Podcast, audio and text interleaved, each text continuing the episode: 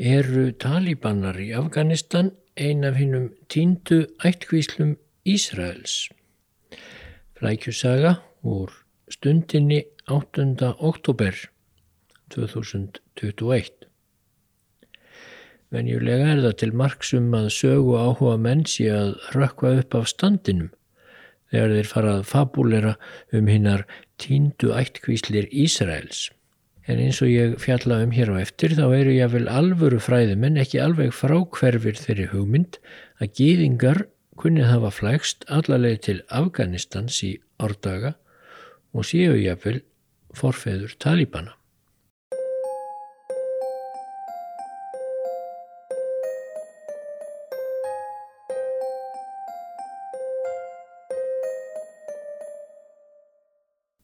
Árið 732 fyrir Krist þá komu hersveitir hinn að grimmu Assyriumanna eins og óstöðvandi engisbrettu plága yfir Palestínu, Sýrland og hinn að fornu Fönikíu, nokkur neginn þar sem nú er Líbanon. Í fararbrotti hermannana var hinn óurlegi herrkonungur Tíklað Píleser þriðji. Í hæðardrögunum kringum Galilegu vatn varð fyrir honum lítið ríki, þó fyrðu fjölmend, það hétt Ísrael, þar heita nú Galilea og Samaria. Í annari konungabók Gamla testamenti sinn segir frá því að íbúar í þessu Ísraels ríki hafi einmitt um þær mundir verið farnir að syndga illa gegn Guðu sínum. Og Guð hafi því gengið í lið Assyrjumanna og lagt ríkið í duft og þannig var líður Ísraels herleitur burt úr landi sínu til Assyrju í refsingarskinni og hefur verið þar fram á þennan dag eins og segir í 17. kapitula 20. og 3. versi annarar konungabókar. Samkvæmt arsögnum gýðinga sem engin ástæð er til að taka of mikið mark á en við skulum samt fylgja þeim í byli Samkvæmt þeim arfsögnum þá skiptist gýðingafjóðin í tólf ættkvíslir þegar hún kom til Palestínu frá Egiptalandi um það byrj árið 1200 fyrir Krist. Gýðingar mynduðu fyrst eitt ríki sem klopnaði svo í tvent. Ísrael hétt ríkið í norðri en Júdea hétt það í suðri. Í Júdeu byggur tvær ættkvíslir, Júda og Jósef og miðpuntur ríkisins var Jérúsalim. Assyriumenn þyrmdu Júteu en fluttu á brott til Mesopotamíu þær tíu ættkvíslir sem búið hafðu í norðuríkinu Ísrael. Karlar, konur, börn, öll voru rækin burt og flutt fyrst til Assyriu en annað fólk var flutt inn frá Mesopotamíu í staðin, segir biblían. Nágrannar, frendur og vinir Ísraels manna þeir sem byggu söður í Júteu, þeir glemdu þeim þó ekki og Ísraelsmenn verðast líka hafa haldið þjóðarengjennum sínum og vitund lengi vel eða að minnstakosti 6-700 ár. Því um það byl árið 100 eftir Krist þá skrifaði sagnarittarinn Jósefus sem var gýðingur í þjónusturómverja um gýðinga að Aðeins tveir ættbálkar þeirra eru undir stjórn Rómverja í Evrópu og Asíu en tíu ættbálkar til viðbótar búa nú handan fljótsins Efrat í Mesopotamíu og teljast til þeirra fylík ókjöra fólki að engin leið er að giska á hver margir þeir eru. Nú er vissulega eins og ég eh, drap á áðan vissulega margt málum blandið um hinnar fornu sagnir geðinga um sjálfa sig. Hinn upprunalega saga um flótta ættkvíslana 12 frá Egiptalandi er til að mynda nær áraðanlega setni tíma tilbúningur bæði frá upphafi og til enda. Og allar frásagnir konungabóka gamla testamentisins eru líka vægast sagt vafasamar.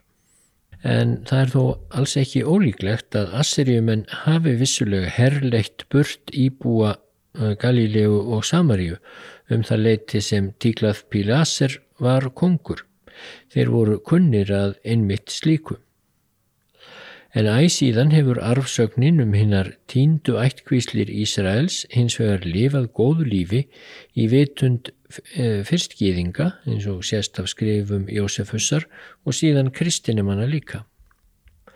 Lang líklegast verður vissulega að telja að hinnir herleitu Ísraels menn sem hafa eflaust verið í mestalagi nokkur tugir þúsunda hafi á endanum horfið í þjóðahafið í Mesopotamíu og Persíu og tekið upp háttu og tungumál innfættra. Slík eru nær óhjákvæmileg örlög þjóðarbróta sem setja stað í öðrum löndum og fjölmennari. En þegar menn hafa fyrir augunum sjálfgeft dæmi um hið gagnstæða Þjóð sem lifir innan um aðra í aldir eða jafnvel þúsaldir en heldur æfinlega sinni sérstöðu, síðum, tungu og trú. Og svo vil til að þetta dæmi eru einmitt gíðingar þar að segja íbúar hinnar fornu Júteu sem tóku að dreifast frá heimkinnum sínum kringum kristspurð en heldu þjóðarni sínu hvar sem þeir fóru í 2000 ár Þá er náttúrulega svolítið freistand að ímynda sér að Ísraelsmennirnir sem Tíklað Píleser herleiti kynnu líka að hafa sínt sömu staðfestu. Og verður að hafa í huga að í þúsundir ára og raunar allt framundir það síðasta þá var öflugur kjarni gýðinga enn í Mesopotamíu, fyrst í Babilón og síðan Bagdad. En það hefur það verið mikill samkvæmisleikur sögu áhuga manna sem sumir hafað vísu stundað í djúpri alvöru að finna eina eða fleiri af hennum tíndu ættkvíslum Ísraels og hafa satt að segja flest þjóðabrót og þjóðir verið nefntar til sögu. Þar á meðal reyndar við Íslendingar. Þótt viður kenna verði að þeir fræðimenn sem fundu hinn að tíndu ættkvísl Benjamins hér á landi voru kannski ekki meðal þeirra allra fremstu í sinniröð eða letað minnstakosti óskíkjuna hlaupa með sig í svolillar gunnur.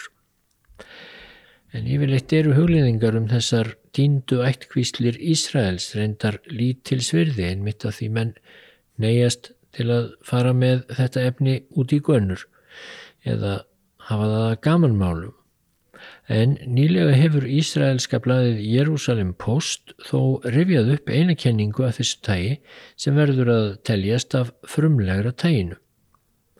En skrýpendblaðsins fullir þér þó að ástæða geti verið til að kanna hugmyndir hans nánar en skell ekki bara strax upp úr.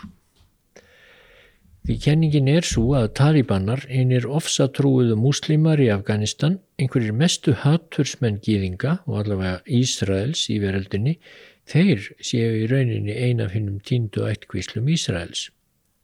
Nú hrista sjálfsagt einhverjir höfuðið. Því eru talibanar ekki trúarsöfnuður, ekki ættbolkur og hvað þá þjóð. Jú, vissulega, en hugmyndafræði talibana og uppruna má þó allt eins rekja til þjóðurni sinnaðra pastúna. En tæplega helmingur afgana telst vera af þeirri íransk kynjuðu þjóð, pastúnum. Það þýðir að pastúnar eru 13 til 14 miljónir af um það byl 32 miljónum afgana nú að dögum. En fleiri pastúnar búa í Pakistan en eru þar þó ekki nema um 15% íbúana. Þegar fólk slæðir því fram að einhver sé afganskur að ætt er yfirleitt átt við að hann eða hún sé pastúni. Og rót talibana er sem sagt ekki bara sprottin úr bókstafstrú múslima heldur einnig pastúnskri þjóðurnishyggju. Það segja mér allavega fróður menn. Pastúnar eru í grunninn hyrðingjar og skiptast í ímsa eittbolka sem hafa gegnum aldrinnar haldið blífast í hefðir menningu og tungu sína og láta ekki hlut sinn fyrir neinum eins og mörg stórveldi hafa fengið að reyna síðustu aldir og árþúsund allt frá því á dögum Aleksandrs mikla. En upprunnið þeirra er reyndar hulin mistri sögunar og margar mótsagnakendar kenningar á kreiki. Það þarf ekki djarfar og óforskammaðar kenningar eins og skildleika pastúna við hinnar hornu ættkvíslir Ísraels til að allt fari upp í loft á málþingum um uppruna pastúna. Einn helsti sérfræðingur Evrópumanna um málið segir einfallega að grafast fyrir um uppruna pastúna og afgana er svo lítið eins og að leitað uppruna Amazon fljótsins er til ein upphafleg uppspretta og voru pastúnar upphaflega alveg sama þjóð og við köllum nú Afgana. Þótt pastúnar séu núna skýrt skilgrein þjóð með sitt eigið tungumál og menningu, þá eru nákvæmlega engar sannanir til um að allir pastúnar á vorum dögum eigi sér einn og sama upprönnun. Það er meira að segja mjög ólíklegt. En einmitt þessi óvisa gerir það verkum að kenningunni um ævaforn áhrif horfinna hyrðingja ættbálka gýðinga á frum pastúna hefur tekist að smegja sér inn í umræðuna og vill bara ekki lognast út af. Best er að taka það fram strax að DNA-rannsóknir á afgönum hafa ekki sínt fram á sérstakann skilleika pastúna og geðinga. Með einni mikilvægri undantekningu þó. Árið 2017 byrtist í tímariti grein þar sem sagt var frá rannsóknum sem þóttu gefa til kynna einhvern erðafræðilegan skilleika kattak ættbólksins við geðinga. Kattakar eru pastúnar og telja nú um þrjár miljónir. Flestir búa í Pakistan eftir að hafa flust frá Afganistan fyrir fáeinu möldum en slæðingur þeirra býr þó enn í Afganistan. En nú er lengur tímabært að snúa sér að þeim vísbendingum sem höfundur Jérúsalem postgreinarinnar sem ég vitnaði til í upphafi týnir til og telur geta rent stóðum undir þessa kenningu um að fleiri eða færri gýðingar hafi flust austur í afgönsku fjöllin um 5-600 árum fyrir kristspurð og pastúnar séu afkomendur þeirra. Þá er fyrst til að taka að eftir að Arabar hófu útrás frá Arabíuskaga á sjöndu öld eftir Krist, þá náðu þeirra á rúmri öld yfir áðum í Afganistan og síðan rutti hið arabíska Íslam smátt og smátt úr vegi fyrir trúarbröðum fjallabúa. Þeir höfðu flestir verið bútistar að minnstakostaða nafninu til en gamlar hefðir og trúarhugmyndir voru þó alls ekki upprættar með öllum. Íslam festi svo rættur þarna í fjalladölunum sem við erum farin að þekkja svo vel af fréttamindum úr sjónvarpinu undanfarna áratögi og nú orðið sérstaklega eftir að harðaneskjuleg íslumsk bókstafstrú tók að breyðast þar mjög út á setjum tímum, þá taka pastúnar yfirleitt ekki annað í mál en öll þeirra trú, síðir og lífsviðhorf sé komið úr kóranni spámannsins Múhameðs. En í raun vita þó allir sem vilja vita að eh, lífslögmál pastúna sem kallast pastúnvali er í raun mun eldra en Íslam. Þrjár eru helstu stóðir þess lögmáls. Gestrisni og gríð sem allir skulu njóta sem fara með þrýði og svo mjög ströng hemdarskilda. Og vissulega er eins og menn hafa bent á margt skilt með pastúnvali og lögmáli Gamla testamentisins. Það segir þó ekki margt í sjálfu sér því margar fornar þjóðir hafðu svipaðar áherslur. Hins vegar Er, þá eru þekkt dæmi allt aftur frá 13. öld um að pastúnar hafi litið á sjálfa sig sem bani Ísrael eða síni Ísraels og það hugtak mun hafa dúkað upp reglulega í frásögnum ferðamanna um Afganistan næstu aldirnar. Og franski ferðamadurinn Josep Pierre Ferrier sagði í bóksinni um sögu Afgana sem gefin var út á ennsku 1858 Afganar telja það vera vísbendingu um gýðinglegan upprunna sinn að þegar persakonungurinn Nader Shah Ashfar marseraði með herin til Indlands árið 1738 og hafði viðdöl í Peshawar sem nú er í Pakistan þá færðu höfðingjar Júsúfsa í ættbólksins honum biblíu á hebresku og ymsa aðra hluti sem þeir hafðu notað til að tilbyðja Guð í árdaga og gýðingar við hyrðinaters báru undir eins kennsla á sem gýðinglega tilbeðslu hluti. Sé það rétt, þýðir það þó ekki að aðrir ættbólkar en Júsúf sæ fólkið séu af sama gýðinglega upprunanum en það eru afgannar mjög ólíkir, jamt að útliti sem menningu þóttir tali sama tungumálið.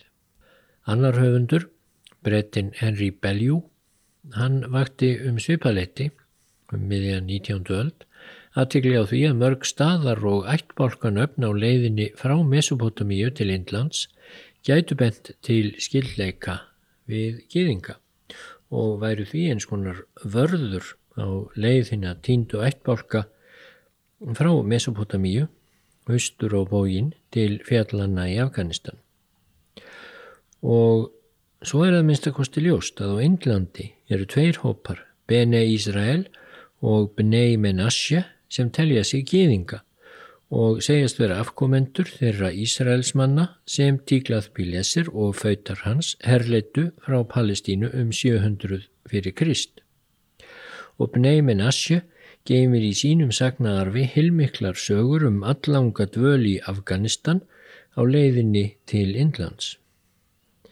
Þá gætu sem hægast einhverjir hafa orðið eftir í fjöllunum.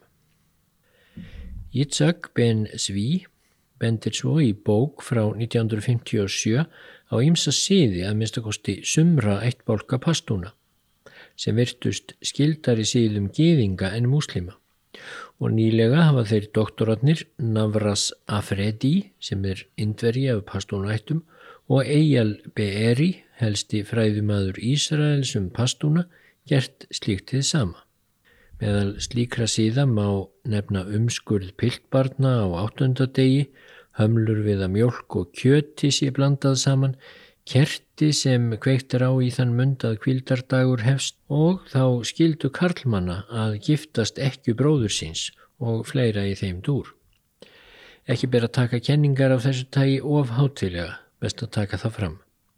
Ólíkar þjóðir geta átt áþekka siði og maðurinn sem skrifar greininni í Jérúsalem Post, Mikael Freund, hann er endar formaður samtaka sem gerir í því að leita upp í hinn að tíndu ættbólka og hann bendir á það sjálfur að taka beri varlega þessari kenningu um gíðinglegan uppruna talibana eða allt jænt pastúna. En samt, þetta er nú allt dálítið merkilegt eigað síður og kemi vel á vondan ef talibanar þyrtu að horfast í augu við að vera að minnstakosti að hluta komnir af erki óvinnum sínum, geðingum.